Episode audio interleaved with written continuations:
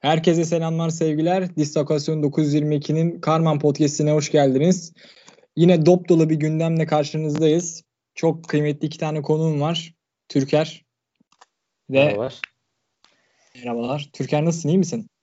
İyiyim teşekkürler. Sizi sormak lazım beyler siz nasılsınız? İyi diyelim iyi olalım ya. Ertuğrul. Ertuğrul sen nasılsın? İyiyim teşekkürler. Yani e, bomba gibiyim bugün özellikle. Bomba gibisin. Evet. Özellikle dünkü yaşananlardan sonra hiç hız kesmeden direkt girelim sonra- isterseniz. Abi abi direkt. Aynen. Beyler, e, Rıdvan Dilmen'in söyledikleri hakkında ne düşünüyorsunuz ya? Bayağı çalkaladı yani ortalığı. Abi bayağı çalkaladı. E, ben şöyle söyleyeyim. Biraz ciddi giriş yapayım. O olayın goy goyuna farklı boyutuna sonra gireriz de. Bunların hepsi e, FETÖ muhabbetinden girdiler mevzuya. Rıdvan ilk önce oradan işte İbrahim Seten. Ben bu adamların mahiyetini hiç bilmem. E, yani nedir ne değildir ne görevi vardır hiç anlamam ama Rıdvan Dilmen bu adamları işte FETÖ'cülükten, vatan hainliğinden girdi abi. Tamam mı? Soyunu, sopunu, sülalesini hiçbir şeyini bırakmadı zaten adamların. Ama şunu fark ettim. Bayağı sinirlenmiş böyle. Bayağı kızarmış böyle. Yayında dolmuş adam yani. Patlamış Rıdvan. Biraz acıdım izlerken de. Ne, ne yalan söyleyeyim. Hiç sevmem Rıdvan Dilmen'i ama acıdım adama. Çünkü bayağı dolmuş yani. Ee, bu adamların hepsi birbirine FETÖ üzerinden salladılar abi. Şimdi bunların hepsinin zamanındaki e, olayları zaten malum. Yani bu adamların hiçbiri masum değil. Ee, bunlar birbirini yiyor. Biz de burada izliyoruz yani. Olayın özeti tamamen budur. Yani hiçbirinin hani ben masumum diyen yalan söylüyordur. Çok net yalan söylüyordur. Burada FETÖ'nün mağduru varsa biziz abi. Başkası değil. Kimse kusura bakmasın yani. Ya biz burada mağduruz ama ben ekran başında özellikle dün seyrettiklerinden çok eğlendim. Ya tabii canım. Bilmiyorum. Ben güle güle güle güle bir hal oldum yani. Gecenin yarısına kadar hele e, Rasim Ozan'ı çok bekledim. Onlar da yine enteresan bir çıkış yaptılar dün gece özel. Onlar Ee, futbol konuştular ya. Hiç beklenmediğim bir şekilde. Böyle onlar bayağı bilmiyorum. Rasim Ozan ısı haritası falan değerlendirdi. Adamlar bayağı futbol konuştular yani. Çok şey. Hani e, Sinan Engin'le Ahmet Çakar, Ertem Şener falan şeyi konuşuyor. O Chelsea, e, Premier Lig futbolu, baskılı e, hücum futbolu işte onu falan tartışıyorlardı yani. O nasıl yaparsın, nasıl o hale getirebilirsin? Abdülkerim Durmaz Fenerbahçe'nin durumundan şikayetçiydi biraz.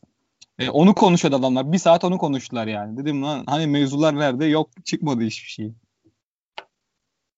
Evet. Yani açıklama yapacağız falan filan dediler de. Neyse.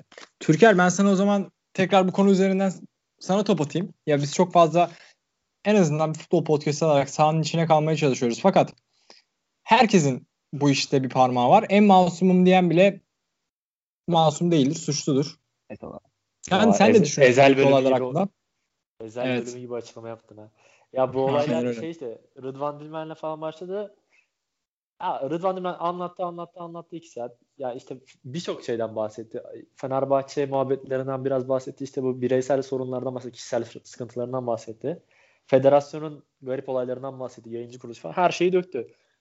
Ee, ya Rıdvan Dilmen'in kişisel problemleri bunların hepsi. Ben açıkçası çok fazla ilgilenmedim etmedim. Ama keyifliydi de. Sonra Rıdvan Dilmen'in yarattığı domino etkisi beni hayrete düşürdü. Yani dediğim gibi gece Evet. en son Twitter'da olanlar biraz aktif olanlar bilir. Gece en son Steven Gerrard ve Bakasetas'ın telefon numarasıyla kapattık. Hani hepsinin telefon numaraları yayıldı. Tabii bunu tetikleyen de Ercan Taner ve Fatih Altaylı oldu. Ercan Ya, Taner- hiç girmeyelim. ya olaya bence de girmeyelim, ama. Ercan abi ne içtiyse hepimize de bir duble vermesi gerekiyor ki o kafaya ulaşalım. Gerçekten müthiş bir karar. Ya çok da sakin beyefendi bir insan. Hani bir olay çıksa tamam mı? Ercan Taner'i böyle olaylarda ilk ona yazmazsın. Ama inanılmaz biçimde telefon numarası paylaştı vesaire. Fatih Altaylı'nın Masterchef fotoğrafını gördük. Güzel. A- Ahtapot muydu? Neydi o elinde tuttuğu? Yengeç, kabuğu- yengeç. Yengeç mi? Ha. Yengeç. Yengeç'te bir pozu çıktı. Bir yarım saat ona güldük. Ercan Tener'e bir saat güldük falan. Gece 2'ye kadar 3'e kadar çok güzel götürdü. İşte Beyaz Futbol beklentilerin altında kaldı zannettik ama onlar da olaya bambaşka açıdan baktı bizim gibi. Sağda kalmaya çalıştılar. Isı haritaları, bloklar arası geçişler falan. Ya o ısı haritası benim bildiğim böyle yoğun bir Covid haritası, haritasına benziyordu ya. Siz de ona Ya, benzettiniz mi? Onlardan bahsetti. Abi. Ahmet Çakar dedi bu bir omurilik MR'ı falan. Hani her şey güzeldi. Dün gece ben çok ağır keyif aldım. Saha içine biz de yani dönelim tabii istersen. Ya ben tabii Tamam, bu, o bu zaman- üzerine iki saat de konuşuruz ama saha içinde dönebiliriz. Aynen öyle. O zaman ben sana hiç lafını bölmeden ilk önce e, Fenerbahçe'nin sezonda yaptığı ilk puan kaybını değerlendirmeni istiyorum. 9 kişi oynayan Hatayspor'a karşı iki yani özellikle geçen hafta Rize Spor maçında ve bu hafta Hatay Spor maçında Gökhan Gönül'den dönen pozisyonu haricinde Fenerbahçe hiç üretkenlik gösteremedi sahada. Ben özellikle e, maçtan önceki Erol Bulut'un röportajını izlediğimde de aslında çok kısır bir maç olacağını anlamıştım. Özellikle ilk 11'e baktığımda da. Sen maç hakkında genel bir değerlendirme yapar mısın? Ya şöyle biz sezon başı ta Rize maçından önceki podcast'te de hatta şunu demiştik. İlk 2-3 hafta derbiden derbiye kadar derbi dahil olmak üzere Fenerbahçe'den böyle e, hücuma yönelik bir futbol, maç başına 5-6 gol pozisyonu, 10 tane şut falan filan. Ya öyle bir futbol çok beklememiz gerekiyordu zaten. Bu Erol Can oynattığı sistemle de ve takımın transferlerinin hala tam olarak uyum sağlamamasıyla da alakalı. Şimdi herkesin tartıştığı Fenerbahçe ile alakalı bir forvet konusu var. Yani takımda hala bir forvet yok işte. Ya Frey oynuyor ya da orada Tiam değerlendiriyor veya Valencia. Geçen maçta yetenekleri çok kısıtlı olan, evet mücadele eden ama Frey oynadı. Bu maçta da ileri uçta Ener Valencia'yı gördük. Ener Valencia bizim ligimizde işte o santrafor mevkinde oynayamayacağını bence gösterdi ki zaten bu belliydi. Ee, ve hani sırtı dönük oynamaya çalıştı. Ener Valencia'nın savunma arkasına da kaçıramadın. Çünkü savunma arkasına Ener Valencia'yı kaçıracağın bir orta saha oyuncun da yok. Yani Valencia o pası kim atacak? Tolga, Ozan, Gustavo hiçbiri atamaz. Şimdi Fenerbahçe'nin e, savunma dörtlüsü fena gözükmedi ki Hatay da fazla hücumda tehdit etmedi. Fenerbahçe adına güzel işaretlerden bir tanesi evet kalesine şut gelmedi. Fenerbahçe geçen sezon bu Hatay Spor'la oynasa bile kalesinde 2-3 tane pozisyon banko görürdü. Ya bu fena bir şey değil. Fenerbahçe'nin saçma sapan pres yapıp savunmada risk aldığını görmedik. Ama bunun tabii temel etkisi de orta sahada 3 tane defans ortasayla oynaman. Yani kimileri diyebilir 3 tane defans ortasayla oynuyorsan bir zahmetle savunma ver, şey savunmada pozisyon verme. E, çünkü baktın işte Galatasaray 6 numarada da Tayland'la oynuyor sadece ki Tayland bir 6 numara da değil. Ama Fenerbahçe baktığımızda hemen hemen 3 tane 6 numarayla oynuyor. Ozan'ı da oraya katabilirsen ki Ozan milli takımda 6 numara oynayan bir isimdi Fatih Terim zamanında. Ee, bu 3 orta saha sana savunmada risk yaratmadığı bir güven sağladığın sağlıyor evet ama hücumda da inanılmaz bir kısırlığa ve kabızlığa yol açıyor yani bu. Şöyle Fenerbahçe'nin tabii orta sahası bu kadar yetenek, hücumsal yetenek anlamında sınırlıyken beklerinden de çok üstün bir performans almadı Fenerbahçe. Yani Caner'le Gökhan hazırlık maçlarına kadar iyi performans göstermedi. Bunun da sebebi kanatlardaki oyuncuların da formsuz olmasıydı. Ne Tiam ne Ferdi isteneni veremedi. Ben Ferdi'nin geçen hafta milli maçlardan dolayı biraz yorgun olduğunu düşünüyordum ama e, Ferdi'nin de hani sezonda işte bahsedip burada formayı alır vesaire diye ama Ferdi'nin de sezona çok iyi girmediğini söylemek lazım. Biraz formsuz başladı. Tabii bunun da arkasında oynadığı Bek'le de alakası var. İşte Caner'le çok yeni oynamaya başladı ve Caner gerçekten topu yani dribbling yapmaya tövbe etmiş gibi bir bek. Gökhan'ın da yaş ilerlediği için Gökhan da driblingi fazla tercih etmem ve bu oyuncular genelde topu hemen ayağından çıkarmak isteyen oyuncular. İşte Caner'i biliyoruz. 40 metreden 50 metreden orta açmaya çalışıyor veya uzun top atmaya çalışıyor. Hani Caner'in Ferdi'nin duvarıyla alver yapacak bir verkaç yapacak durumu yok gibi gözüküyor. Gökhan da keza Tiam'la fazla anlaşmadığı için bunu denemedi Fenerbahçe kanatlardan da fazla yüklenemedi. E, merkezden zaten hiçbir şekilde Hatay savunmasını delemiyorsun. Yani kadroda forvetin de olmadığı için çok fazla sıkıntı yaşadı Fenerbahçe. Ha savunmada Lemos iyi gözüktü bana kalırsa. Zanka'yı da hoca rotasyonunda kullanacak gibi duruyor.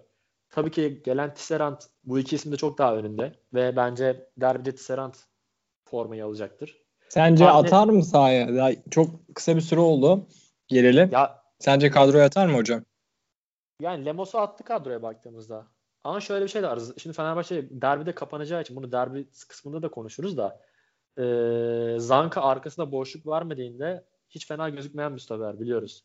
E, Fenerbahçe ne zaman rakip yarı sahaya yerleşiyor? Çizgide oynamaya başlıyor stoperler orta saha çizgisinde. O zaman Zanka sıkıntı yaşıyor ve arkasında top kaçırıyordu. Oyuncu kaçırıyordu. Ama derbide Fenerbahçe'nin kapanacağını düştüğümüz için Zanka da oynayabilir. Yani o üçlüden ikisi oynayacak. Serdar'ı tercih edeceğini düşünmüyorum ben ama ya onu da tahmin etmek zor ama Tisserand'ı ben bekliyorum. Yani eğer o kadar beğendiyse antrenmanlarda falan da sonuçta iki haftadır da takımla antrenman yapmış olacak derbi zamanı. Oynatabilir tabi. Forvet transferi Fenerbahçe için en kritik konu hala Fenerbahçe'nin yani lig, düzeyinde vasat bir forveti bile yok. Tiam hala hoca ileri uçta Tiam'ı tam olarak kullanmıyor. Yani orada ya Valencia ya Frey'i denedi. Derbide bence çünkü son çaresi ve alınacak forvet yetişmeyecek büyük ihtimal derbiye. Son çare olarak bence Tiam'ı forvette kullanıp çünkü Geri Rodriguez de ayrıldığı için kanatlarda da artık Ferdi Sinan mı kullanılır? Valencia bir kere de kanatta denemesi gerekiyor gibi geliyor Erol Hoca'nın. Evet. Ee, o zaman Ertuğrul ben sana pası şöyle atmak istiyorum. Türker Fenerbahçe cephesinden değerlendirdi maçı. Evet. Sen de Hatay Spor açısından bakarsan nasıl bir oyun sahaya koydu Ömer Erdoğan? Ya yani ben e... özellikle e, özür dilerim lafını böldüğüm için. Tabii tabii. İlk defa bir Süper Lig takımı şöyle istatistikte sana yardımcı olayım. İlk defa bir Süper Lig takımı bir maçta şut çekemeden puan almış. Ya e, ben maçın tamamını izlemedim ama şöyle Hatay'ı az çok e, anladım zaten. Ben geçen haftaki podcast'i dinleyenler bilir. E, burada e, maç podcast sonunda önümüzdeki haftanın fikstürüne yorumlarken ben Hatay galibiyet alabilir demiştim. Yani Fenerbahçe Hatay. Ben Hatay demiştim. Çok ilginç bir maç olacak bekliyorum demiştim. Çok da ilginç bir maç oldu yani. Yaklaşık işte 20-25 dakika yarım saat yakın bir 10 kişi 15 dakika falan da 9 kişi oynayan Hatay'a Fenerbahçe o sürede e, ciddi şekilde e, kalesini tehdit edemedi. Hatay Spor'un hani geçen haftadan söylediğim olay tamamen disiplinli bir oyun oynamasıydı ve savunmada çok iyi oynadılar. Yani çok iyi savunma yaptılar. Fenerbahçe'nin sorunu kötü bir takım olması değil, yeni bir takım olması ve eksiklerinin bulunması. E, hiç pozisyon vermedi, hiç şut attırmadı. Rakip de kaleyi zaten hani rakip kaleyi zaten zorlayabilecek e, güçte değildi. E, daha onların da süre ihtiyacı var. Eksik e, gelecek futbolcuları var. E, yani Fenerbahçe ile ilgili çok söyleyecek bir şey yok zaten ama yani sadece biraz daha süreye ihtiyacı var. Yoksa e, sosyal medyada yapıldığı gibi ya 9 kişi rakibi yenemedin goy goyu kesinlikle doğru değil bence. O e, kadar yardım yapmaya gerek yok yani diyorsun. Yok yok kesinlikle gerek yok. Bak farklı açıdan da e, yaklaşacağım ile, diğer mevzulara da gelince. E, Fenerbahçe'nin kesinlikle yangın yapmaya gerek yok. Bu sene şampiyonluk yarışı Fenerbahçe Galatasaray arasında geçecektir bana göre. Yani çok da güzel bir lig olacağını düşünüyorum. Sadece biraz daha zamana ihtiyacı var bu takımın ve e, acil bir şekilde bir santrafora ihtiyacı var. Güçlü bir santrafora ihtiyacı var. Ya Erol Hoca bence geçen haftada bu haftada şöyle bir kadroyla çıktı hakkında. Geçen hafta 3 oyuncu vardı yeni olarak. Bu hafta 5 oyuncu vardı. Yani diyor ki ne de olsa ben önümüzdeki hafta bu kadroyla çıkmayacağım. Daha farklı oyuncularla çıkacağım. Daha farklı yani bir an önce şu 2-3 hafta bir geçsin diyordur muhtemelen kafasında. Bir an önce şu takım alırsın biraz beraber takım olalım falan diyordur kafasında. Ama ben yine de ne olursa olsun tamam Erol Hoca'ya süre tanımalıyız ama ben şu konuda eleştirmem lazım. Fenerbahçe ilk yarıda beni uyuttu. Ben bayağı uyudum yani. Uykum geldi. Fakat ikinci yarıda iki tane değişiklik yaptı. Sinan ve Sosa girdi oyuna. Fakat formasyon olarak aynı formasyonda kaldı Fenerbahçe. Bu yüzden hücum anlamında yine çok bir etkililik gösteremedi ikinci yarıda. Yani 4-2-3-1 yerine belki biraz daha hani Frey'i de atmadı mesela hocaya. Ben Frey'i de geçen hafta siz beğenmemiştiniz ama ben Frey'i de beğendim açıkçası. Yani en azından Vanessa'dan daha etkili olabilirdi diye düşünüyorum bugün. Daha yani yıpratıcı. Tamam, daha yıpratıcı olabilirdi evet. Özellikle 9 kişi kalmış Hatay Spor savunmasına. Bizim hücum hattımızın e, istatistikten baktım. Bizim hücum hattımızın boy ortalaması 1.72 idi. Fakat biz sürekli yan top, sürekli yan top, sürekli yan top oynadık ve 20 ortadan sadece 3'üne müdahale edebilmiş bizim hücum oyuncularımız.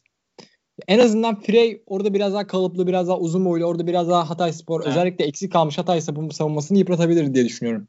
10-15 dakika özellikle yani doldur boşaltı dönünce iş evet Frey e, orada tercih edilebilirdi ama hani hoca tercihidir yine saygı duymak lazım. Ben e, Caner Gökhan sezon başından beri transfer oldukları günden beri anlamsız şekilde bakmaya devam ediyorum. Hala da o şekilde yani Caner Gökhan transferine Fenerbahçe'de kesinlikle anlam veremedim.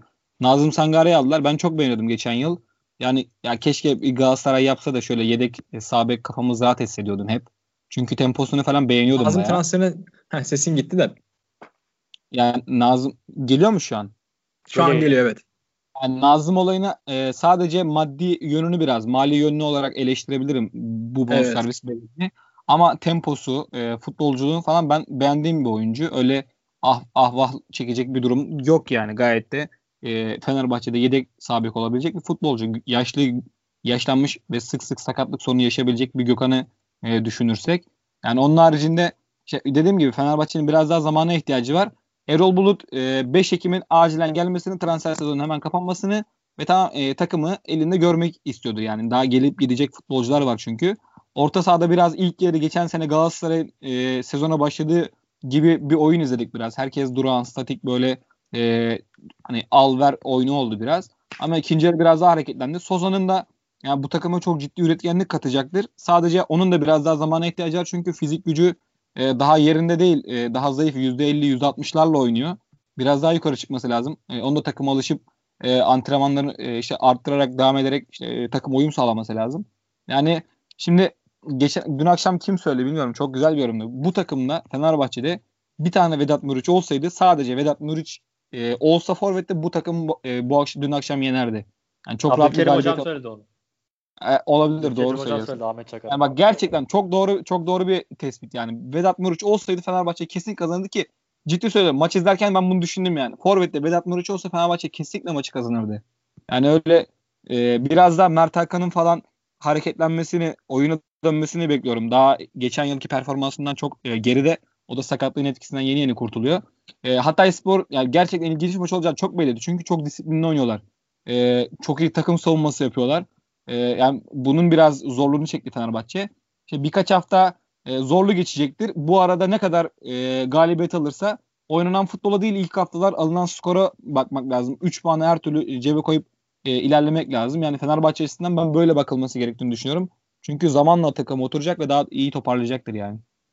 Yani sonuçta geçen geçen sezonda iki maç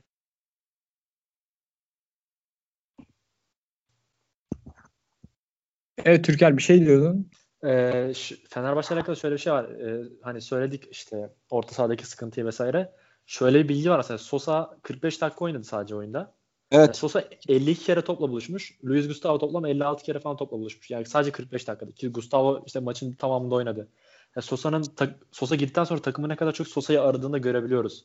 Ozan Tufan Evet. mesela Ozan Tufan 17 tane pas yapmış. Sosa 55 tane pas yapmış. Şimdi şöyle bir Bu şey var. arada- işte- Özür tabii. Erol, Bulut, Erol Bulut'un 45. dakikada direkt iki tane oyuncu değiştirmesini ben çok e, çok güzel buldum. Yani gerçekten e, hoca yani Süper Lig'de kolay kolay yapmazlar bunu. 45'te hemen iki tane oyuncu çıkarayım hemen oyuncu atayım.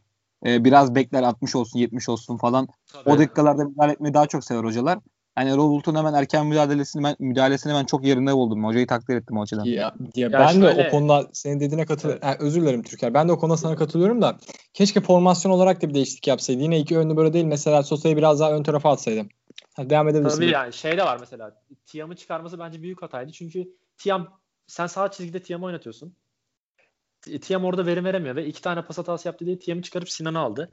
E, Valencia'yı hala oyunda tuttu. Ferdi'yi tuttu mesela. E, 9 kişi kalmış yani rakip. Hala Fenerbahçe'nin iki stoperi yani Lemos ve Zanka arkada bekliyordu. Yani birini çıkarmaman için hiçbir sebep yok. Şöyle bir şey de var işte. Tiam'ı yani Tiam Fenerbahçe'nin bu hazırlık maçlarında vesaire gole en yakın ismiydi. Rize maçında golü yok ama gole en yakın isim de Tiam'dı. İşte gol pozisyonu kaçırdı. İki, tane de gol pozisyonuna girmişti. Ee, bence Tiam'ı çıkarması büyük hataydı. Ozan'ı çıkarması doğruydu. Ozan Sosa da eşliği doğruydu. Sinan oyunu sokacaksan bile bence hani çıkarılacak isim belki Ferdi olabilirdi veya ortadan bir tane daha oyuncu çıkarabilirdin. Ee, o yüzden ben Tiam'ın çıkarmasının kesin bir hata olduğunu düşünüyorum. Yani hocanın şöyle tek iyi yan dediğimiz gibi işte Er- şeyin dedi, Ertuğrul'un dediği gibi e, ilk haftalar kazanabildiğin kadar puan kazanman gerekiyor. Toplayabildiğin kadar puan. Oyun olarak da Fenerbahçe en azından savunma sistemi olarak bir şeyler oturttuğunu görebiliyoruz. Yani Erol Hoca işte ilk 3-4 hafta savunmasını oturtabilirse gelecek forvetle de belli bir hücum planı oluşturmaya başlayacaktır. Ama Fenerbahçe'nin set oyununda hücumda o kadar üretken olmaması, bu kadar plansız gözükmesi hücumda. Yani Sosa vesaire girdi dedik. Evet Fenerbahçe top yapmaya başladı dedik ama Fenerbahçe'nin yine bir akın sürekliliği yoktu. Yani Fenerbahçe arka arkaya ataklar yapamadı. Yaptığı ataklar düzenli değildi. Yani hücumda Fenerbahçe'nin bir planı yok hala. Evet. Ya bunu da zaten takımın en fazla şut çeken oyuncusunun stoperi Mahrez ve Lemos olmasından görüyoruz bir nevi. İnanılmaz bir Abdülay Bağ şutu çıkarmıştı. Biz Abdülay Bağ'a da buradan takamaz? selamlar. O zaman Erol Bulut'a ya biraz daha süre verelim. İyi hoş da isterseniz yavaştan Galatasaray'a geçelim. Ondan sonra da derbiye de değiniriz. Erol Bulut Evet. için önümüzdeki hafta çok kritik bir sınav var. Ya Erol Eğer Bulut'un ben- Galatasaray heh, buyurun Ee, ben şöyle derbi Erol Bulut'un ciddi bir test olacaktır ama ben Fenerbahçe taraftarının derbi skoruna ya da sonucuna göre e, mesela bir mağlubiyet olası bir mağlubiyette bir yangın yapıp işte e, hani ortalığı alevlendirmesinin ben çok saçma olacağını düşünüyorum. Böyle bir şey kesinlikle yapmamalı taraftar. E, Çünkü Erol Bulut hani e, zir, hani kariyeri sürekli yükseliyor. İşte Malatya'da yükseldi, Alanya'da yükseldi, bir Fenerbahçe'ye attı kendini. Burada birçok eksik var E, ve iki yıldır da e, devam eden ciddi bir baskı var başkanın üstünde. Bir 6 yıllık 7 yıllık da bir şampiyonluk hasreti var. Yani tamam Erol Bulut'tan herkes bir şeyler bekliyor. Anlıyorum artık hani bu sene o sene olsun bitsin şampiyon olalım istiyor herkes ama biraz hani e, lig 40 hafta yani işte bir derbi e, kaybının telafisi çok rahat olur ileride. Fenerbahçe e, ne yaptıysa zaten bu hep böyle ani kararlardan kaybetti. 6 haftada 7 haftada hoca kovmanın e, sıkıntısını yaşadı yıllardır. Yani biraz daha tahammül etmek lazım. Çünkü gerçekten iyi bir hoca olduğunu düşünüyorum ben. Yani oyunu bilen, futbolu bilen bir hoca. Eline istediği oyuncuları verdiği zaman yani e, Bakasetas isim çok geçti. Şimdi Fenerbahçe'nin hücumda e, çözüm e, sorun çözücü bir oyuncusu yok. E, Soza var. E, Mert Hakan var. İkisi sakatlıktan yeni çıktı. Yani bunların da zamana ihtiyacı var. Bu yüzden biraz daha hücumda etkisiz kaldı. Bir de santroforu yok Fenerbahçe'nin. Yani oraya net koyabilecek stoperleri e, işte üzerine çekebilecek bir santroforu yok. Biraz da onun e, sıkıntısını yaşıyor. E, hücumdaki e, problem çözememenin yani. Olayı biraz bu. Erol Bulut da biraz üzerinde baskı hissediyor. Muhtemelen biraz da korkarak hareket ettiğini düşünüyorum ben. Hani büyük takım havası var. Ee, bir yanlış yaparsam çok göze batar. Alanya'da yaptığı yanlışların hiçbirini Erol, Erol Bulut'un kimse konuşmuyordu. Yani sadece büyük maçlarda ya da işte aldığı güzel e, galibiyetlerle hep spot ışıkları o zaman üstüne çeviriyordu. Ama burada en ufak hatasında herkes bir anda Erol Bulut düşmanı kesilecek. E, bunun farkında bence hoca. Bu yüzden hata yapmak istemiyor çok fazla ve temkinli davranıyor. Bu yüzden biraz zaman vermek gerektiğini düşünüyorum ben. Derbinin sonucu ne olursa olsun. Derbilerin havası başkadır ya. Tabii yani ki de kesinlikle Erol Bulut'u, yani. Erol Bulut'u ne olursa olsun Fenerbahçe'ye yönet. İşte e, Ali Koç'ta da geçtiğimiz yıllarda yaptığı hata yapmaması işte gerek Koku'da gerek Ersun Yanal'da taraftarın gazına gelmemesi gerekiyor ne olursa olsun. Erol Bulut'a sonuç ne olursa olsun biraz kredi ayırması gerektiğini düşünüyorum ben. Ya Ali Koç zaten bir hoca kovmaya karar verdi. 5 haftada kovmaya karar veriyor. Yeni hocayı da 10 haftada buluyor zaten. Hani Fenerbahçe'nin Aziz Yıldırım dönemindeki fevriliği Ali Koç döneminde bayağı bir yerine bıraktı baktığımızda sakinliğe falan. Hatta aşırı sakinliğe. O yüzden ben kolay kolay kovacağını düşünmüyorum. Yani idare edecektir ya ben Erol Hoca bu ilk haftaları bir şekilde. Evet. Beyler 17-18 dakika Fenerbahçe'yi konuştuk ki e, Fenerbahçe, Fenerbahçe Fenerbahçeliler Fenerbahçe TV'de o kadar konuşulmamıştır Fenerbahçe muhtemelen. Galatasaray maçını zıplayalım mı? Daha geçelim ya. Zıplayalım. Yok. Ya sıkıntı yok. Fenerbahçe e, ligde şu an şey, şampiyonların hep en sorunlu takım olarak Fenerbahçe görüldüğü için biraz onu konuştuk da Galatasaray'ın da konuşulacak çok şey var. Yani tamam takım çok güzel futbol oynuyor eyvallah. Ama hala da çok ciddi eksikler var yani. Onları ne yapacağız bilmiyorum. O zaman ben sana pası e, şöyle atayım. Ben maçtan önce yine hocaları dinlediğimde hem Okan Hoca'yı hem Fatih Hoca'yı iki, iki hoca da Okan Hoca sezonun çok erken başlamasından onlar sezonu çok geç kapattılar biliyorsun. Ondan şikayetçiydi. Fatih Hoca da Bakü maçından sonra maçın oynanması hemen oynanmasından sonra oyuncuların yorgun olduğundan dolayı şikayetçiydi. Ve Okan Hoca'nın da zaten siz de hatırlarsınız derbi der, e, büyük maçlarda çok savunma ağırlıklı bir kadroyla çıkıyor. Yine öyle bir kadroyla çıktı. Berkay Özcan'ı oynattı orta sahada. Fakat Galatasaray'ı ben bilmiyorum sen bir Galatasaray olarak nasıl gördün takımını ama ben Galatasaray'ı özellikle ilk yarı çok rakibini boğduğunu gördüm. Çok üstünlük kurdu. Özellikle orta saha oyuncuları çok üstünlük kurdu. Sen ne düşünüyorsun bu maç hakkında? Ya bu maça e, en ciddi imzasını koyan e, Fatih Terim zaten takıma sezon başı itibariyle net bir imza atmış çok belli. E, ben Başakşehir maçı üzerinde de Belhanda e, yani maçı getiren adam olarak görüyorum ben. Oynadığı oyunu yani çok güzel bir futbol oynadı. Yani umarım geçen hafta da söylemiştim. Çünkü bu tarz performansları Belanda'nın 3 yıl içerisinde hep e, nasıl geçici oldu. 3 hafta e, bu performans verir. Hatta bu seviyeye hiç çıkamadı. Belhanda'nın Galatasaray kariyerindeki en iyi maçıydı bence Başakşehir maçı. E, toplu oyunda olsun, topsuz oyunda olsun, takım savunmasında olsun mükemmel yardım etti. Belanda normalde takım savunmasında çok yardım eden bir futbolcu değil. Hatta ben en çok gamsızlığı yüzünden o, o rakip orta sahaya geçmiş kontraya kalkarken 3-4 futbolcu Belhanda onların arkasında yürüyor diye ben çok kızıyordum e, Belhanda'ya. Bu hafta hiç öyle değildi. E, ceza sahasında falan çok kritik müdahale yaptı. 2-3 tane top var. E, Belhanda net maçın adamı diyebilirim yani. Tayland zaten 2 haftada çok iyi futbol oynuyor. E, Galatasaray rakibini boğdu. İyi analiz etmişler, iyi çalışmışlar. Oyun planına sadık kaldılar ve e, takım içinde de hani e, biraz şey olacak, klasik olacak ama şu kolej havası muhabbeti var ya. yani e, takım biraz psikolojik olarak yani e, moraller üst seviyede. Kazandıkça e, keyfi yerine geliyor takımın. Çünkü çok ciddi bir baskı vardı transfer sezonun başından beri. Geçen sezon sonundan beri bir orta saha beklentisi var.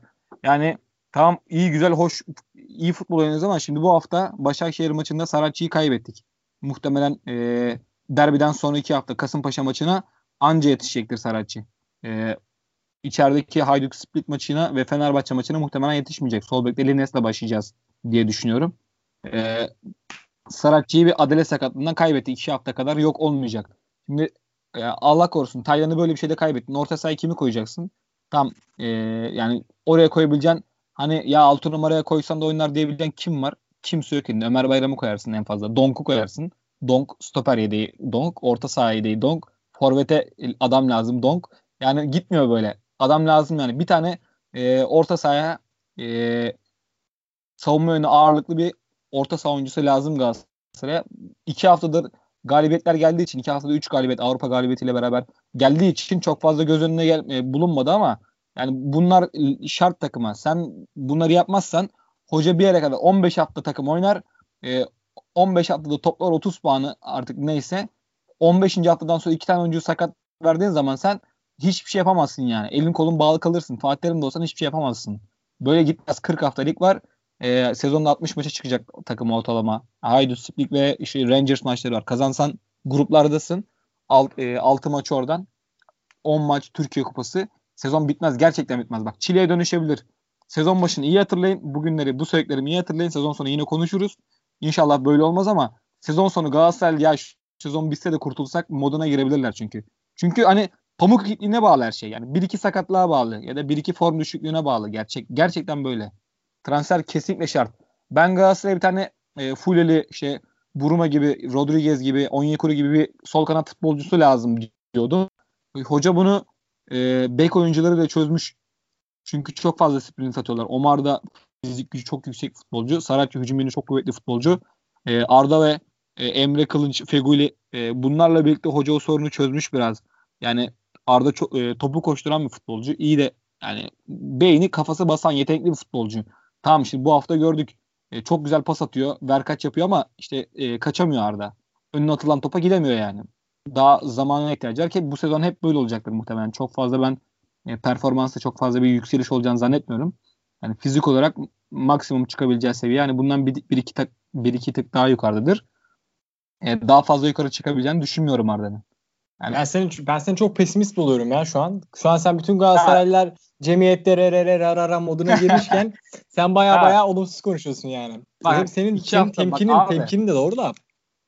Abi bak ben normalde e, hani tam takım oynuyorsa mesela geçen sezona başlarken ben şimdi takıma bakıyorsun dedim ki ya bu bu takım biraz alışsın oynamaya başlasın biz vura vura gideriz abi diyorum. Çünkü takımda eksik yok. E, orta saha çok kaliteli. Enzonzi, Seri Lemina bakıyorsun böyle üst düzey futbolcular falan. İşte savunman çok sağlam. Luyendama Marka yine orada. E, Mariano falan. Abi tamam diyorum bu takım oynar diyorsun yani. E, bakıyorsun yok tık yok adamlarda. Babel Mabel. E, hiçbiri top oynamadı. Geçen sezon Galatasaray e, 20 puan farktan geldi. ikinci yarı o Aralık ayındaki performans ekstra performansla beraber Mart'a kadar 20 puan farktan gelip e, farkı kapattı bambaşka bir olay döndü. Bambaşka bir yere döndü olay. Şimdi bu sene tam iyi başladık ama e, çok dar yani 12-13 futbolcuyla şampiyon olamazsın. 34 maç yok önünde. İki katı maça çıkacaksın neredeyse. Yani çok ciddi olaylar bunlar. Yani Galatasaray'da hani şunu desek ki ya Taylan'ı 3 maç dinlendir, 2 maç dinlendir. Yerine şunu koy idare etsin. Kimi koyacaksın abi? Şimdi Galatasaray Hatay Spor maçı şimdi Hatay Spor böyle oynasın bu disiplinle e, bu oyun disipliniyle oynamaya devam etsinler. Şimdi e, o maçtaki yani çünkü za, iler, zaman ilerledikçe özellikle ligin ikinci yarısında e, fiziki yorgunluklar da olacaktır. Çünkü fiksür çok sıkışık. E, 20'sinde maçı çıktı Galatasaray. 24'ünde e, Avrupa maçı var. 27'sinde 3 gün sonra Fenerbahçe derbisine çıkacak. Bir hafta sonra Kasımpaşa maçı. Yani fikstür böyle böyle gidecek yani. 3 günde 4 günde bir maç oynayacaksın. Sezonu ilk açtın. Maça çıktın. Lig maçına 3 gün sonra. Kupa maçına 3 gün sonra lig maçına, 3 gün sonra bir daha kupaya çıkacaksın, 3 gün sonra bir daha lig maçına çıkacaksın. Yani bak direkt ikinci haftadan sol bekini kaybettin. Yerine koyacak sol bekin yok. Lines oynatıyorsun sağ ayaklı. Sağ bekini sol bekte oynatıyorsun yokluktan. Ömer Bayram'a güvenemiyorsun. Emre Taşdemir'e muhtemelen gidecek. Yok yani çünkü orada futbolcun yok. Sağ bek yedeği yok. Şener var. Ee, yani hoca da onu tercih etmedi şimdiye kadar. Yani çok merak ediyorum nasıl olacak böyle. Tamam hücum hattında Cagne Falcao bir şekilde götürür işte Emre Kılınç olsun, Arda'sı olsun, Babel olsun falan bir şekilde adapte olur oraya gider onlar. Ama orta saha yani çöker. Yani özellikle bu Markao'ya gelen teklifler var. Şimdi Roma'dan bir teklifin geldiği net gibi neredeyse. Bir 10 milyon euro, 12 milyon euroluk bir teklif geldiği net gibi. Markao'yu sen bu sene Avrupa Ligi'nde oynatıp bundan çok daha 20-25 milyonlara satabilirsin. Çünkü o kalitede bir futbolcu. Yani savunmada sana o özgüveni veriyor. Hücuma çıkışlarda da çok kaliteli işler yapıyor attığı paslar olsun. Yani bu ligde Marco anlattığı pasları atamayacak orta saha oyuncuları var. Üretken orta saha oyuncuları var yani. Öyle söyleyeyim. Şimdi sen bunun önüne e, onu rahatlatabilecek bir altı numara almazsan bu adamın değerini arttıramazsın. Düşürürsün. Çünkü yani Avrupa Avrupa'da öyle takımlar gelmeyecek. Avrupa'da sana bir ne, ne, Gaziantep gelmeyecek yani. Or, şey, savunma çizgisini 35 metrede kuran takımlar gelmeyecek sana. Yani zamanla bak bunlar dediğim şeyler zamanla anlaşılacak. Sadece yani, tamam e, şimdi iki hafta kazandık. Re re re re re, re nereye kadar? göreceğiz bunları. Gerçekten göreceğiz. Takımın daha zamana ihtiyacı var. Ben yani bilmiyorum. Yani biraz pesimist gibi konuşuyorum ama bence gerçekler bunlar. Tam iyiyiz, çok iyiyiz. Gerçekten ben oy, oynanan futbolu çok beğendim. Başakşehir'i ta, sağdan sildi Fatih Terim. Yani ben e, en son 5 yıl önce yenmişiz Başakşehir deplasmanında. 5 yıldır bir takımı deplasmanda yenemiyorsun. Adamlar ezildi rakip olmuş artık sana yani. Her gittiğinde 4 tane 5 tane yiyorsun. Kabus gibi sezonlardı. Ben hatırlıyorum yani. 5 tane yiyip geliyorduk Başakşehir'den. Yani hiç çaresiz bırakıyordu adamlar seni. Ki geçen yılın şampiyonu çok ciddi de bir değişiklik olmadı kadrosunda. Bu takımı kendi evinde e, maçın işte 60 dakikası net pozisyon vermeden e, 2-0'la geçiyorsun. Bence bu çok değerli. İyi oynuyoruz ama takımın da ciddi şekilde takviye ihtiyacı var. Yani uzun konuşma özür dilerim ama maalesef bu böyle olay. Ya ben sözü e, problemler uzun konuşmam. Ben direkt Türker'e söz vermek istiyorum. Türker sen özellikle Ertuğrul çünkü çok pesimist bakıyor ya. Ben e, konuştuğum bütün Galatasaraylı arkadaşlarım şu an Fatih Hocam, Fatih Hocam yine yaptı yapacağını, yine kan kokusundan aldığı şampiyonluk geliyor falan filan modundayken Ertuğrul bana gerçekten çok olumsuz bir bakış açısıyla bakıyormuş gibi yerli. Tabii Bak, haklı olduğu son, haklı olduğu yanlar var. Ha, bir şey ekleyebilirim abi. Çok küçük bir şey ekleyeyim. Özür dilerim. Abi Galatasaray taraftarı e, ikinci haftadan şampiyon moduna girmez. Fatih Terim kan kokusunu ikinci hafta almaz. 20. hafta bu takım bir top oynamaya başlar. Tamam abi dersin. Fatih Hoca bu işi çözdü dersin. Bak ligin ortasındadır bu. Hep böyle olmuştur. Yani ikinci haftadan Galatasaray şampiyon ilan edilmez. Ya bu gerçekten bak ikinci hafta hiçbir büyük takım şampiyon ilan edilmez. Geçen sene daha lig başlamadan Galatasaray şampiyon ilan ettiler. Ligi 6. bitirdik zorla. Yani Fenerbahçe 2 senedir sezon başı 3 senedir sezon başı gümbür gümbür geliyor. Adamlar ligi zor bitiriyor. Yani Beşiktaş'ın hiç öyle bir iddiası olmuyor da yani birkaç senedir. Ee, yani ligin başında öyle büyük takımlar hani bakacaksın çünkü eksikler belli yani. Türker. Neyse. Türker'e geçelim. Ee, senin, şöyle, senin değerlendirmenin neler? Pesimist olmasını anlayabiliyorum. Çünkü takımda hala bir eksik var. İşte orta saha rotasyonunda bir eksik var. Belli noktalarda işte bek yedekleri. Yani yedek özellikle kulübesi Galatasaray'ın eksik. Bunu kulübeden oyunu değiştirebilecek oyuncu Babel giriyor, giriyor oyuna bir nebze. Onun dışında Galatasaray kulübüsünde Cagne belki motive olabilir. Cagne ve Babel dışında Fenerbahçe şey Galatasaray kulübesi Fenerbahçe kadar kuvvetli değil. Şöyle bir şey var Galatasaray'la alakalı. Ee, ben açıkçası Emre Kılıç'ı hepimiz sol açıkta değerlendireceğini düşünürken Emre Kılıç maçta birçok kez sol içte oynadı. Ve ağırlığını evet. sol açıkta oynadı gördük. Ve şimdi Saraki, Emre Kılıç'ın da oraya yakın olduğunu düşünürsek Saraki, Emre Kılıç, Arda üçlüsü çok ya a, gariptir çok tempolu bir üçlüydü. Arda hani o tempoya ayak uydurdu diyelim. Biraz da Arda zekasıyla ve işte sırtı dönük oyunda top tutmasıyla e, o ikili ayak uydurdu. Bu yani en kritik nokta Galatasaray'ın bu tempolu oyunu özellikle bu geçen seneden en büyük fark Galatasaray'ın tempo. Şimdi Galatasaray evet. O kadar fazla topa sahip olan da bir oyun oynamadı baktığımızda. İşte Galatasaray toplam 400 pas yapmış. Başakşehir 516 pas yapmış. Yani top daha fazla Başakşehir'deydi. %43 topla oynamış Galatasaray. Galatasaray o kadar topa sahip olma oyununu oynayamadı. Hani pas oyunu oynamadı. Tabii bunun sebebi orta aslında işte Taylan'ın, Emre Kılıç'ın iç oynamasıyla da alakalı. Yani Galatasaray'ın ortasında böyle bir pasör, işte takım yönetecek bir orkestra şefi Belhanda var evet ama e, Taylan tam olarak o rolü üstlenemez ki üstlenmesini de beklemek lazım. Şöyle bir şey var.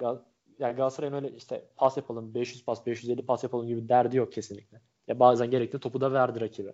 Galatasaray'la alakalı işte bu sol özellikle sol çizgideki ki sağ tarafa da işte Omar çok tempolu bir oyuncu. Yani yetenek olarak Saraki seviyesinde olmasa da işte fiziksel özellikleriyle vesaire çok tempolu bir oyuncu. Fegül de ayak uydurdu ona. Sağ kanattan da bir tehdit yaratabiliyor Galatasaray. O şekilde Falcao'yu besliyorsun. Geçen sezonların aksine Galatasaray forvetlerine toplaştırmak çok zor. Yani Cagne'nin geldiği ikinci yarıda bile Galatasaray forvetlerine çok fazla pozisyona sokamıyordu bu temposuzluktan dolayı. Ee, geçen sene Falcao da bunu yaşadı. İşte Andone ile pozisyon sokuyor. Andone kendi kendine pozisyona sokmaya çalışıyordu. Bu sezon farkı bu Galatasaray'ın geçen sene oranla. Statik olmaması hepimiz söylüyoruz bunu. Şöyle bir şey var Galatasaray'la alakalı. Belki de sorun olarak adledebileceğimiz tek olay ya Başakşehir'in biraz defans çıktığını söyleyebiliriz. Bu tabii Galatasaray'ın da faydasınaydı. İşte sol çizgide Berkay'ı kullandı. Ee, Crivelli yedekti. İşte Demba ileride başladı. Ve Başakşehir'de geçen seneki Galatasaray gözüktü. Çok temposuz gözüktü. Yani Visca, Berkay, önde Dembaba inanılmaz temposuzdu, hareketsizdi. Keza sol bekte malum şahıs olağan şüpheli Hasan Ali. Yani herkes evet yedekte rotasyonu kullanabilirsin ama işte Okan Buruk da iki maçtır dayanamıyor. Çünkü inanılmaz bir el freni. Yani yerine gelen oyuncu da çok fazla etkili değildi Hasan Ali'nin ama hücumda bir tehdit yaratabiliyordu. Hasan'ın hiçbir tehdit yok. Bu yüzden işte Okan Hoca o iki değişiklikle başladı ve Başakşehir özellikle Belhanda'nın golüne kadar top biraz daha Başakşehir'de ve Başakşehir birkaç atak bulmaya başlamıştı. Özellikle Visca'nın olduğu kanattan Başakşehir'in tehlikeli atakları vardı. Galatasaray'ın adına tek sorun belki de bu sezon boyunca tabii yapılacak transferle de alakalı. Ee, 1-0 öne geçtiğinde Galatasaray'ın böyle oyunu tutabilecek bir pas oyuna ihtiyacı var. Çünkü Galatasaray tamamen işte alt gözlüğüyle yani rakibe hücum pres e, olabildiğince işte 3. bölgede pres yapıp rakibi baskı altına almaya çalışıyor, boğmaya çalışıyor. Ama Galatasaray oyunda bazen hani oyunu devlendirmen gerekir ya. Çünkü o tempoyu asla kaldıramaz Galatasaray. Yani tamamen 3. bölgede pres, sürekli at, e, akın sürekliliğini sağlamak kolay değil bizim ligimizde ki bunu yapan takım çok sınırlı yani City falan yapabiliyor. City Liverpool yapabiliyor. Yani 90 dakika boyunca bu tempoyu yakalanman çok zor. O yüzden Galatasaray'ın böyle oyunu daha dinlendirecek yani seri Galatasaray'ın şu an öyle bir kadrosu var mı? Bence hani ben de senin dediğine katılıyorum. Ben bunu Bakü maçında izlemiştim özellikle. Galatasaray skor aldıktan sonra oyunu birinci bölgede çok fazla kabul etmeye başlamıştı. Evet, yani, ee, gerek Bakü maçında gerek maçta da. Aynen ya çok çekiliyor. Çünkü ya şey de kolay değil. Bunu fiziksel olarak kaldırmak imkansız. Evet Scott Piri falan filan diye konuşuluyor ama hiçbir takım 90 dakika boyunca o presi yapamaz. Maça Yapamam. o presle başlamak çok önemli. O baskıyla başlamak. Galatasaray bunu çok iyi yapıyor. Yani Fatih'in bunu en iyi yapan isimlerden biri. Çünkü bizim ligde ilk 15 dakika ne kadar iyi başlarsan belki de skor alıyorsun. Maçı orada kapatıyorsun Anadolu maçlarında vesaire. Veya böyle büyük maçlarda da kapatabilirsin. Ee, ama işte dediğimiz gibi takım ikinci yarıda yavaş yavaş düşmeye başlıyor. Belanda'nın golü olmasaydı son 15 dakika, dakika belki de maç tek kaleye dönebilirdi tekrar. Tabii değişikliklerle de biraz daha taze kan yakaladı Galatasaray ama o tempo yavaş yavaş zaten. Efendim? İkinci yarı yani e, yavaş yavaş o Galatasaray e, tam takım iyi bir takım savunması yapıyor ama yavaş yavaş da ona Başakşehir yüklenmeye başlamıştı baya. Tabii ki bence falan hocanın değişikleri, başlamıştı. Tabii, hocanın değişikleri bence gayet yerindeydi yani. Evet zaten değişikliklerden sonra hemen gol geldi ki bir taze kan da yakaladı işte dediğimiz gibi Galatasaray.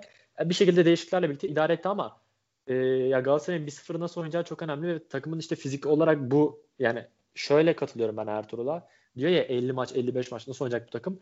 Bu oyun şöyle dar bir kadro olur biraz daha 14 oyunculu bir kadron olur. Ya belli bir oyuna göre işte yavaş tempo bir oyun oynarsın, pas oyun oynarsın. Ya Aykut Kocaman takım mesela yaşı ilerlemiş bir takımdı. Meyrelesler, Kayıtlar oynuyordu ama Bruno Alves'ler, Egemenler ama o takım bir pas oyun oynuyordu ve daha düşük tempolu bir oynadığı için 60 maç oynadı Avrupa Ligi'nde yarı final çıktı.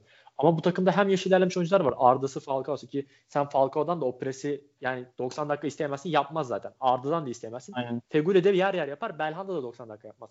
O yüzden bu takıma bilmiyorum orta sahaya ya kreatif bir oyuncu mu olacaksın pas oyununda işte oyunu daha demlendirecek, pas oyuna çevirecek ya da daha çok temposu yüksek Etoba tarzı isimler mi katacaksın? Ya bunu görmemiz gerekiyor Galatasaray'la alakalı transfer konusunda işte. O ağır işçiliği şu an sahada yapabilecek, o presi 90 dakika yapabilecek. Ha, pres de demeyeyim, ağır işçiliği yapabilecek. Şu an Omar duruyor biraz daha. Biraz bir nebze de Tayland duruyor. O yüzden Galatasaray ağır işçi mi alacak yoksa daha teknik kapasite yüksek pasör bir oyuncu mu alacak orta sahaya onu göreceğiz. O biraz daha Galatasaray'ın sezonunda nereye gideceğini gösterecek bizlere. Beyler son zamanlarda orta saha oyuncusu düşen var mı isim? Yok ya. Ertuğrul, Ertuğrul sen takip ediyor musundur? Yok abi yok hiç yok. Hiç mi yok? Sıfır yani. Hiç yok.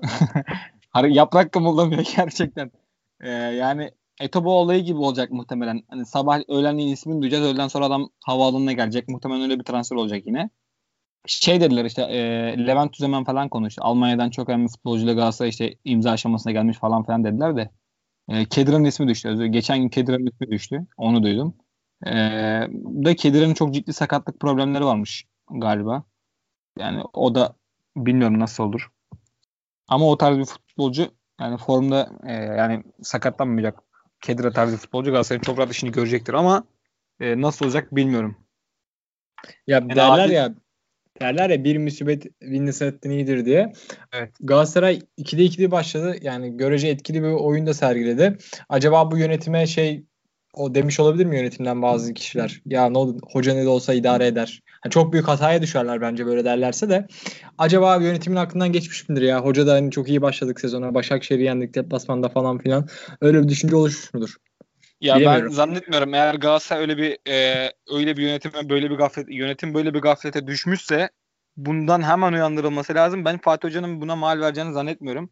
Tam bunu demiş olabilir ama hoca kesinlikle yani yönetimdekiler de yıllardır burada sonuçta 3 yıldır doğru düzgün bir transfer sezonu geçirmedi Galatasaray. Sürekli bir yerlerde eksik var. Sürekli sezonu eksik başlıyor Galatasaray. Bir dönem forvetsiz başlıyor. Bir dönem stopersiz başlıyor. Bir dönem orta sahasız başlıyor. Sürekli eksik başlıyoruz yani sezona.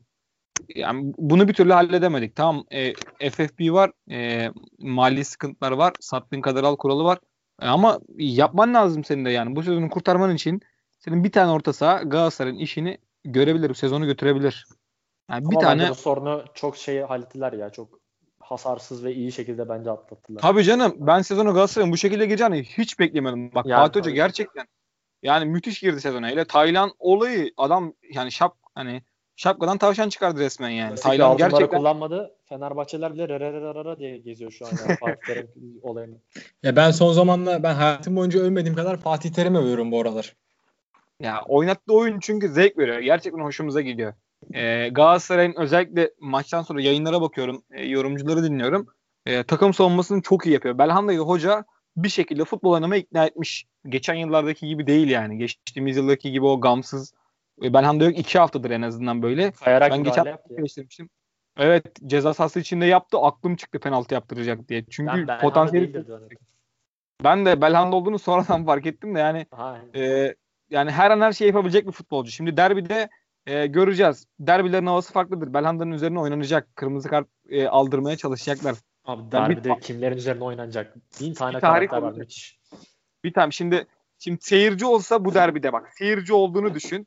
Tamam mı? Şimdi Mert Hakan Yandaş'ın böyle e, mutlaka ciddi bir gerginlik olacak da orada. Tabii seyirciyle arasında zaten hani oyuncu psikolojik olarak çok güçlü değilse o sahadan sağlam çıkamaz yani. O sağlam ruh haliyle çıkamaz. Çünkü 90 dakika her top ayağına aldığında sen ciddi şekilde ıslıklanacaksın. Küfür yiyeceksin, baskı altına alacaksın. Yani ta- seyirci yok şimdi biraz onun avantajı var. Ha, bir de şunu söyleyeyim. Belhanda e, seyirci yok. O yüzden iyi oynuyor falan diyorlar. Ya o onun yani o adamın hiç böyle şeyler taktığını düşünmüyorum. Tamamen garip bir kafa yapısı var yani. Bilmiyorum. Ben Belhanda'nın Galatasaray'dan gitmesi gerektiğini savunanlardanım hep. Yani son bir yıldır, bir buçuk yıldır takıma ciddi, zarar verdiğini düşünüyorum. Yani aldığı maaşın karşılığını kesinlikle oynamıyor. Ee, ama ya. çok ciddi maaş. 4 milyon euroyu bulan bonuslarla 4 milyon euro bulan bir maaş yükü var yani. Yok zaten Türkiye'de Falcao var. Dört Yok adam. yok yani. Falcao 4 Belhanda. Aynen öyle. Belhanda Feguli bunlar oluyor bu kadar maaşlar yani. Mümkün değil. Yani öyle hani e, ben ufak tefek orta sahada işler yapayım. 4 milyon maaş alayım. Kurtulamazsın abi. Mümkün değil. Belhanda bir Sonra buçuk batıyorsun, euro- sonra batıyorsun zaten. Aynen öyle. Batıyorsun zaten sonra. Hani ben Belhanda 1,5-2 milyon euro maaş alsa bunları yapsa tamam abi hani 1,5-2 milyonluk topçu tamam gönderirsin diyeceksin. 4 milyon maaş aldığı için gönderemiyorsun adamı. Arabistan'dan gelen teklif 5 milyon euro maaş veriyorlar adama tamam mı? Ciddi bir maaş. 5 milyon 5,5 milyon euro. Ben de diyor ki lan burada 4,5 alıyorum zaten. Ben niye 5 1,5 daha, daha fazla için niye İstanbul gibi şehri bırakıp gideyim ki diyor yani.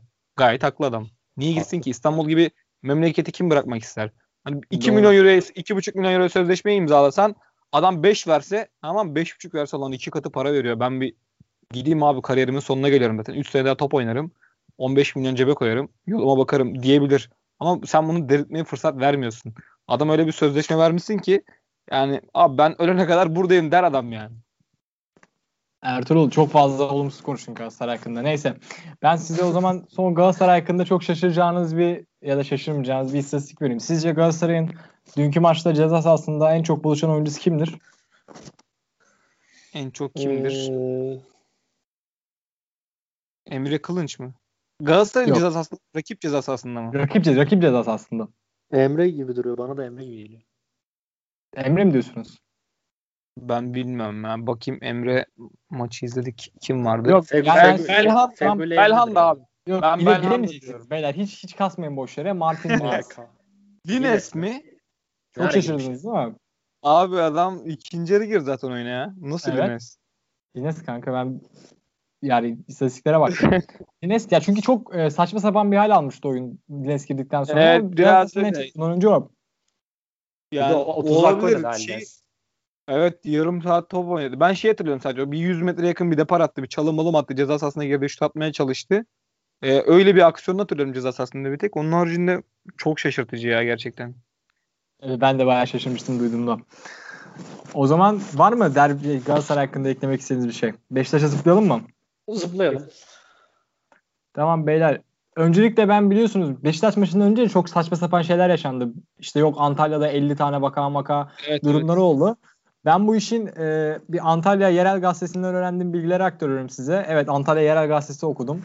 Sadece bunu öğrenmek için. Ya Antalya Spor'un normalde yıllardır e, kendi bağlı bulunduğu bir kurum varmış hastane. Bizim de aslında çok bildiğimiz hani şu an hepinizin hakim olduğu böyle M ile başlayan kurumlardan Evet. biri. Söyle, söyleyemez? Hastaneler.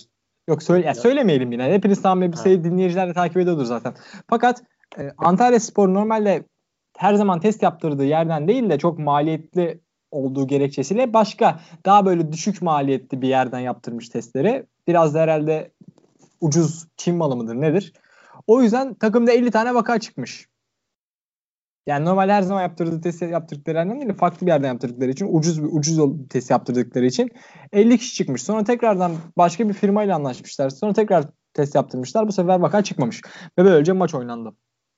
Zaten Beşiktaş'ın Olabilir şey ya. pozitif değil yani. Yaklaşık o maç üzerinden 3-4 gün oldu. Evet. Bir sıkıntı olmamış herhalde yani. Belli ki o 50 kişinin aynı anda çok yüksek bir rakam yani. Evet. Bana da biraz bir sıkıntı var orada de- dedik hepimiz. Demek Şimdi ki ucuz ucuz yollu test almamamız gerekiyormuş. Bunu Aynen. öğrendik Buradan buradan. daha mesajımızı verdik. ya ben şunu merak ediyorum. Şimdi e, tam böyle bir şey yaşandı. E, bu ucuz bir şekilde kurtulduk bu olaydan tamam mı? Hani test fake'miş. E, Gerçek testleri yaptılar. Kimse de sıkıntı çıkmadı. Geçtik maç oynandı. Şimdi harbiden böyle bir şey olursa Antalya Spor'da ya da vesaire bir kulüpte 15 tane ilk 11'den şey 7-8 tane futbolcu e, Covid olursa bu maç oynanmayacak mı? Nasıl olacak? Yani Ha, maç oynanacak. göre Talimata göre maç oynanacak. Talimata göre maç oynanacak ama Türkiye'de yani özellikle büyük takımlardan birisinin başına gelirse bu ya da rakibinin büyük takımlarla oynayacak bir takımın başına gelirse burada çok ciddi sıkıntı olur bence. Neyse yavaştan maça geçelim. Çok fazla şey yapmaya gerek yok bunu da. Garip yani bence. Zor yine. Ya Antalya Spor çok iyi analiz etmiş Beşiktaş'ı. Çünkü Beşiktaş Trabzonspor maçı. Ya Beşiktaş şu an 3 maç oynadı. Antalya Spor maçı dahil. Birinde e, kendisi topla oynadı. Topu ge- rakip geride bekledi PAOK maçında. Trabzonspor maçında topu rakibe verdi. Trabzon'u bekledi geride. Bu maçta da Antalya Spor e, gerek ilk maçı gerek ikinci maçı çok iyi analiz edip topu Beşiktaş'a verdi. Beşiktaş geriye çekilip Beşiktaş'ın birazcık üretim sağlamasını bekledi. Fakat Beşiktaş hiç üretim gösteremedi. Özellikle zaten kadro kalitesini biz haftalardır konuşuyoruz. Ee, Ben sana Evet. söyle sorayım Türker soruyor. Ya sence Beşiktaş 2 puan kaybetti mi yoksa 1 puan kazandı mı? Ya skora bakarsak son dakikada gol edişin talih, ya, talihsiz değil de yani bir gol edişin talihsiz bir maç oldu Beşiktaş açısından yani puanı kaybettiği olarak bakabilirsin ama şöyle bir şey var. Senin dediğin gibi Antalya topu Beşiktaş'a bıraktı. Biz burada bahsettik. İşte Antalya'nın elinde kontratak silah yoktu. Burada hatırlıyorsanız geçen hafta maç tahminleri yaparken ben şey demiştim. Yahoviç olduğu için Antalya'nın elinde kolay kolay Beşiktaş'a karşı bir kontratak silah yok ve Beşiktaş savunmasını fazla tehdit edemezdi ki ilk 45 dakika özellikle Antalya'nın da işte Nazım Sangare'yi yollamasıyla sağ bekte Bünyamin oynadı. Sol bekte de Eren Albayrak vardı. Ee, yani Antalya'nın sağ kanadı mesela çok kötü. Doğukan, Bünyamin hiçbir şekilde bir tehdit oluşturamadı zaten. Sol kanatta da Hamilton dışında hiçbir tehdit yoktu. E, Yahoviç de kontra hata uygun bir isimdir. O yüzden Antalya hiçbir şekilde Beşiktaş savunmasını rahatsız edemedi. Orta sahada da Hakan Özmert oyundaki hücumda işte sınırlı bir oyuncu biliyoruz Hakan Özmert. Nuri de statik bir oyuncu öyle tempolu rakip kaleye direkt koşu yapabilecek bir oyuncu olmadığı için tamamen kontra atan tam zıttı bir tak- takım vardı Antalya'nın. O yüzden Beşiktaş rahat rahat topunu oynadı ama işte rahat rahat pasını yaptı. Beşiktaş öyle e, çok ciddi bir gol pozisyonu ilk yarıda yoktu. Necip'in müthiş bir kafa asistiyle gerçekten. İşte Larin arka direkte vurdu. Beşiktaş 1-0 öne geçti. Beşiktaş 3. bölgede evet fena gözükmüyordu şimdi Mensah'ın topuk pasları vesaire ama çok fazla öyle üretkenliği yoktu Beşiktaş'ın. Öyle hani girdiği ciddi gol pozisyonları fazla yoktu Beşiktaş'ın. İkinci yarıda ya e, Larin'in bir pozisyonu vardı. Çok net bir gol pozisyonu kaçırdı Larin. Hani onu atsa maçı kapatırdı. Beşiktaş şu an belki de Beşiktaş bir nebze herkes övecekti. İşte hiçbir şekilde bu transferle yetişecek mi, yetişecek, mi, yetişecek mi, yetişmeyecek mi diye bir yangın olmayacaktı. Ama futbol biraz da böyle yani. Larin onu atamadı. Dönüşünde e, Gö- Gökdeniz Bayraktar çok geç bir isim. Hatta Beşiktaş'ta da adı anılmıştı. Transfer Fener'le de alınıyor. Hatta ben Nazım transferinde e, Fenerbahçe'ye bir, biraz daha bedelle gelecek önümüzdeki sene falan filan diye haberlerde okudum. Bilmiyorum siz gördünüz mü de. Fenerbahçe'de ismi alınıyor. Yani Gökdeniz'in ben gol attığını biliyorum Beşiktaş'a mesela tam bir sene önce. Başka bir takımda. Evet Ee, evet hazırlık Beşiktaş- Kocaeli Spor'dan geldi Gökdeniz. Ben çok Aynen. izledim burada. Çok sevdiğim bir Beşiktaş'ı çocuk. görünce atıyor Gökdeniz. Ee, şu var işte hani de- dediğimiz gibi şöyle Beşiktaş'ın kadrosuna burada bahsettik. Beşiktaş 3. bölgede çok sınırlı bir takım. Elinde eğer Oğuzhan da sakatlı olduğu için ki Oğuzhan'a Beşiktaş taraftar çok fazla bel bağlıyor ama ben Oğuzhan'ın sağlık durumu ve temposu itibariyle yine beklentileri çok karşılayabileceğini düşünmüyorum. Yani Oğuzhan sakatlığa meyilli bir oyuncu. Oğuzhan'a güvenerek sezona başlamak çok zor. O yüzden Beşiktaş'ın bir şekilde Laiç'i takıma adapte etmesi ve rotasyona katması gerekiyor. Ki bugün de e, o maçta da Laiç oyuna girdi 68'de. Fazla etkili olma tabii. Laiç de hala takıma alışmaya çalışıyor. Maç eksiği çok fazla. E, o yüzden Beşiktaş'ın Evet. aciliyetle Laiç'i takıma kazandırması gerekiyor. Zaten Ya çıkan ben- kadro da Mensah buyur. Hatta ben e, Laiç ve e, Lens girdikten sonra Beşiktaş'ın daha fazla düştüğünü düşünüyorum oyundan. Evet ya işte dediğimiz gibi o tempo sıkıntısı işte Eksi yazdılar. Ya kesinlikle çünkü işte Dorukan çıktı. Ha, Dorukan Hasic falan çıkınca Hasic evet çok potansiyelli bir oyuncu. Ben Ferdi ile çok benzetiyorum kendisini. Böyle maçın belli noktalarına inanılmaz parlıyor. inanılmaz bir ışık gösteriyor. Sonra 55 dakika 60 dakika kayboluyor. O yüzden hücumda Hasic'i eğer sen birinci opsiyon yaparsan Beşiktaş'ın baktığımızda ileri uçta tek problem çözebilecek oyuncu Boyd da hani o inceci özellikle birisi değil.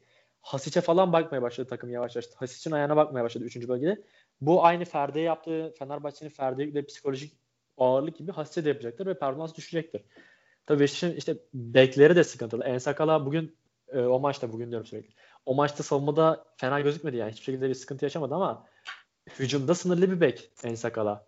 Alanya'da da uçup kaçan inanılmaz 10 asist 5 gol yapan bir bek de değildi. Ensakala evet hücuma çıkıyordu ama bitiriciliği sıkıntı işte orta özelliği servis özelliği de üst düzey bir isim değil. Sağ bekinde Necip olduğunda hücumda hiçbir şey üretemiyorsun. Topu o bölgeye kadar taşıyabiliyorsun. Çünkü Atiba Mensah iyi oyuncular. Dorukan da tempolu.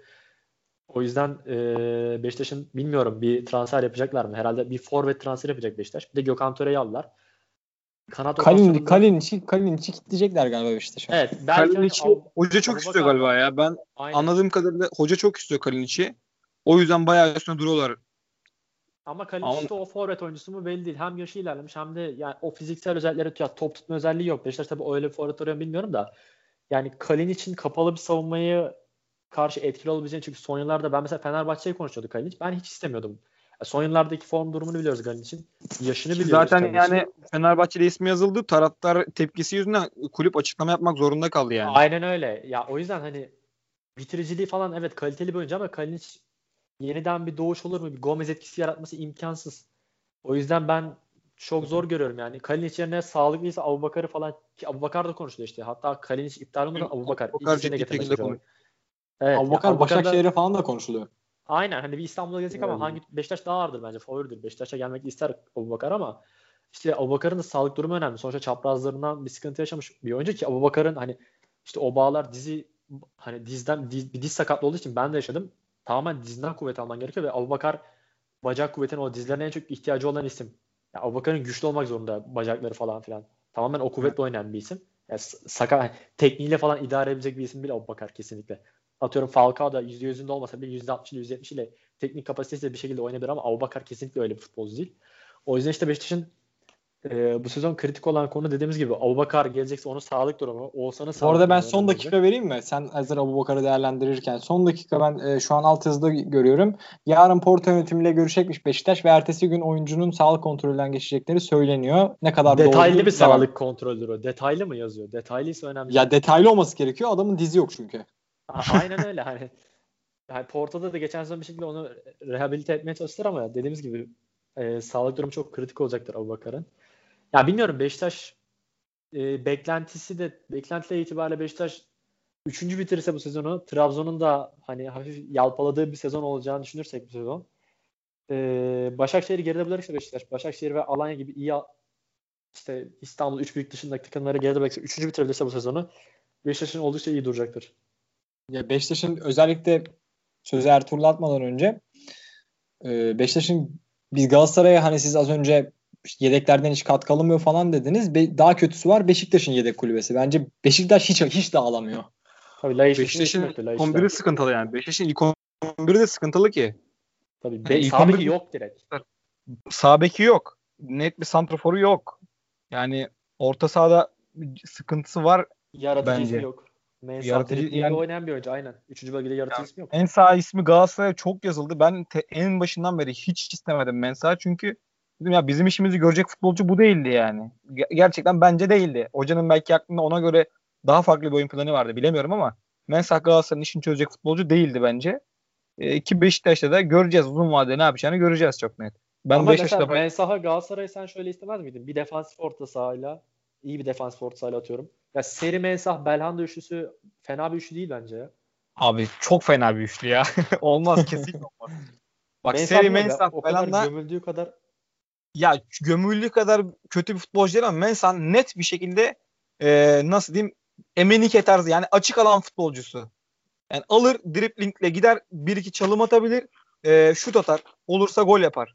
Yani asist yapabilir ama öyle Beşiktaş'ın oynamak istediği dar alanda rakibi yani Antalya Spor maçı mesela yani e, top rakip topu sana vermiş yaslanmış geriye Mensah e, şey, çözüm yani sorun çözücü bir futbolcu değil. Yapamıyor çünkü bunu. Tabii Tamam, canım. Ama mesela Prime. NDI'ye gibi oynayabilir gibi geliyor bana ya. Prime'ındaki. NDI'ye kadar olmasa da bir seviye altında hani idare ederdi bence Galatasaray'da. Bilmiyorum ben zannetmiyorum yani. yani bize ondan çok daha öncelikli bir transfer lazım. Mensah yerine çok daha ondan daha acil bir transfer lazım orta sahaya da. Ama Fatih Hoca istiyordu galiba Mensah'ı. Mensah istiyordu hoca. Ben neden istediğini bilmiyorum yani. Belki e, farklı bir planı vardı ona göre. Saygı duyuyorum anlayabilirim ama bana Hocaya göre saygı ya, ya kesinlikle anlayamadığım bir transfer olurdu benim için. Mensah Galatasaray çok saçma geliyordu bana. Hiçbir şekilde NDI'ye ilişkiler- yapmak istedi ondan ya. Bence o yüzdendir. Belki de olabilir bilemiyorum. Yani Beşiktaş'ın da çok eksiği var. Beşiktaş'ın kadro zaten o kadar eksiği değil yani. Beşiktaş'ın şu an minimum 20-25 milyon euro para akıtması lazım ki Beşiktaş yönetiminin asla bunu yapmayacağını biliyoruz zaten. Ahmet Nurşebi'nin açıklamalarından. Bilmiyorum Sergen Hoca'ya Allah kolaylık versin. Türker. Negatif de oldu kendisi. Her Sergen Evet. Hoca dediğinde bana söz veriyorsun ama ben Sergen Hoca'yı beğeniyorum mesela. Onu söyleyeyim öncelikle. Ben de Kendisi çok negatife döndü. Göreceğiz Abi yani. ben- Kendisi, kendisine kimse- geçmiş olsun diyelim buradan. Aynen Ben öyle. burada e, şu, şu nokta üzerinde durmak istiyorum. Beşiktaş'a son dakikada gol atan çocuk geçen sene burada İzmit'ten gitti abi. Ben İzmitliyim. Çok maçını izledim. Yani e, parlayan bir çocuk. Kocaeli Spor'da her oyuna girdiğinde bak 3. ligde ki 3. lige göre 20-25 bin seyirci ortalamasını oynadı Kocaeli Spor stadyumda. Yani 25 Evet. bin taraftara futbol oynadı geçen sene. Ben çok maçına gittim, çok izledim. Mükemmel e, bir yeteneği var. Yani o Antalya Spor'da kesinlikle yani çok işe yarayacaktır. Umarım e, çalışır daha iyi yerlere gelir. Sıkıntısı olmaz, kaza bela olmaz ama çok beğendiğim bir futbolcu. Milli takım için de yani yol açık olsun. Türk futbolu yeni futbolcu kazanıyor diyebilirim. Antalya Spor da 3. ligden e, böyle bir transfer yapmaya cesaret edebildiği için çok tebrik ediyorum. Ercan sen Antalya'da mı e, oturuyordun? Yok ben Antalya'da oturmuyorum. Ben İstanbul'da oturuyorum da Ha. e, Gökdeniz özelinde üç büyüklerle de ismi alınıyordu. Fakat çok az özellikle Beşiktaş çok yoğun ilgi göstermişti. Siz de belki hatırlıyorsunuzdur.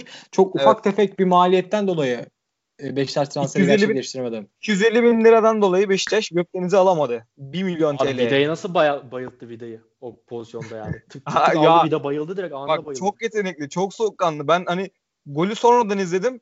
Ya böyle ağzım açık kaldım. Çünkü hani tam çocuğu burada izliyoruz. İzmit'te falan lap lap atıyor eyvallah ama karşısında kim Vida Dünya Kupası'nda final yapmış adamlar falan böyle. İşte en sakala men sakala yanında tak tak ikisini birden geçti. Çok da rahat bir şekilde gol vuruşunu Evet, yaptı. Yani heyecan yok şey yok. Yani aşırı hoşuma gitti yani gerçekten. Ya maçla ilgili şunu söyleyeyim ben en son. Mesela ya Antalya çok defansifti bence. Tamer Tuna ya çok gereksiz korktuğunu düşünüyorum Beşiktaş'tan. Tam topu verebilirsin ama bir tehdit yaratman gerekiyor. Ya işte Evet. Mukayro'yu aldı. Orijinal aldı, Podolski'yi aldı. Takım bir anda işte bu sefer Antalya ya, gol de geliyorum dedi aslında bağıra bağıra. Hani Gökdeniz'in attığı gol 77'de geldi ama o gole kadar da Beşiktaş çok zor pozisyon yönetti ve geriye çekilmeye başlamıştı. O yüzden Beşiktaş'a karşı o kadar da hani topu Beşiktaş'a veriyor diyorlar ama takımlar elinde en azından bir 2-3 tane kontratak silah olması gerekiyor. Podolski'nin ben ilk 11 başlamamasını anlamadım. Sonradan Fiziksel olarak hazır değil büyük ihtimal ama mesela yani Evet. Nuri Nuri'ye gerek var mıydı bilmiyorum yani bu oyunda. Nuri de çok iyi oynadı. Bilmiyorum. İyi oynadı diyorlardı. Ben çok şey gördüm. Yani Nuri, çok iyi Nuri- oynamaya başladı. Hoca çıkardı. İkinci yarı böyle işte hani Antalya topu aldı falan. Nuri o sırada çok güzel dağıtmaya başlamış topu o ilk 10 dakika. Hoca da bu sefer çık- gitti Nuri'yi çıkardı. Beyler ben size ben size diyeyim Nuri böyle oynamaya devam ederse seneye Fatih hocam onu takıma alır demedi demeyin. Nuri'nin Yani- filozof açıklamaları Kon- etkili. Kontenjan montenjan der alır yani Fatih Hocam onu. Hocam her şey yapabilir ya. Diyecek bir Kocaeli'nin şey bu arada bir şey soracağım. Ertuğrul Kocaeli'nin stadı pişmaniye bir şey ismi mi öyle şekli mi öyle bir öyle Yok, bir muhabbet var mı? Var şek- şekli pişmaniye şeklinde bir e, stadyum yapmışlar. Görüntüsü ona benziyor. Hoş güzel bir stadı var yani. Buradan da bütün Kocaeli'lere selamımızı yolluyorum. Selamlar ben de Kocaeli Kocaeli Spor- gidiyorum. Bak Kocaeli Spor Süper Lig'e iki tane t- topçu gönderdi. Göztepe'ye Burak Süleyman'ı gönderdi. Fut- takımın en yetenekli futbolcusu. Kesinlikle 3. lig topçusu değil. 20, 25 yaşında olması lazım. Ee, hani banko PTT'de banko oynayabilecek bir futbolcu. Burak Süleyman çok yetenekli. Göztepe'de süre bulursa e, izleriz umarım. E, gerçekten çok yetenekli. Direkt Süper Lig'e transfer yapması da benim çok hoşuma gitti. Bak 3. ligden direkt e, Süper Lig'e iki tane topçu gönderdik. Daha devamının da geleceğini düşünüyorum. Umarım e, devamı gelir yani. Kocaeli'de 2. ligde, 3. ligden 2. lige çıktılar. Seneye PTT'de görürüz inşallah. Ulan pişmaniyeye benzeyen stat'tan bir Lamasya esintileri alıyorum ben. Ee, Göztepe Anadolu'dan notlara geçelim beyler. Anadolu'dan aktaracaklarınıza. Di- Diyar diyar Anadolu programı buyur. Diğer diğer Anadolu kısmımıza geçelim mi? Yaka mikrofonuna sor bize soruları abi buyur. Ee, ben şey maçını izledim. Ben ge- geçen hafta Göztepe'yi çok beğenmiştim. Göztepe Malatya maçını izledim. Yani Göztepe geçen hafta nasıl oynadı, bu hafta nasıl oynadı? Yani skalanın iki ayrı yüzü gibiydi. Malatya'yı beğendim bu haftada tam tersine. Yani Malatya Biraz düşük toparlamış bizde. Hamza Biraz Hoca çok uygun bir takımla çıkmış yani evet. Hamza Hoca tam böyle Koyevaları, Adem Büyükleri, Fofonaları falan bulmuş yani. Kendi takımını bulmuş.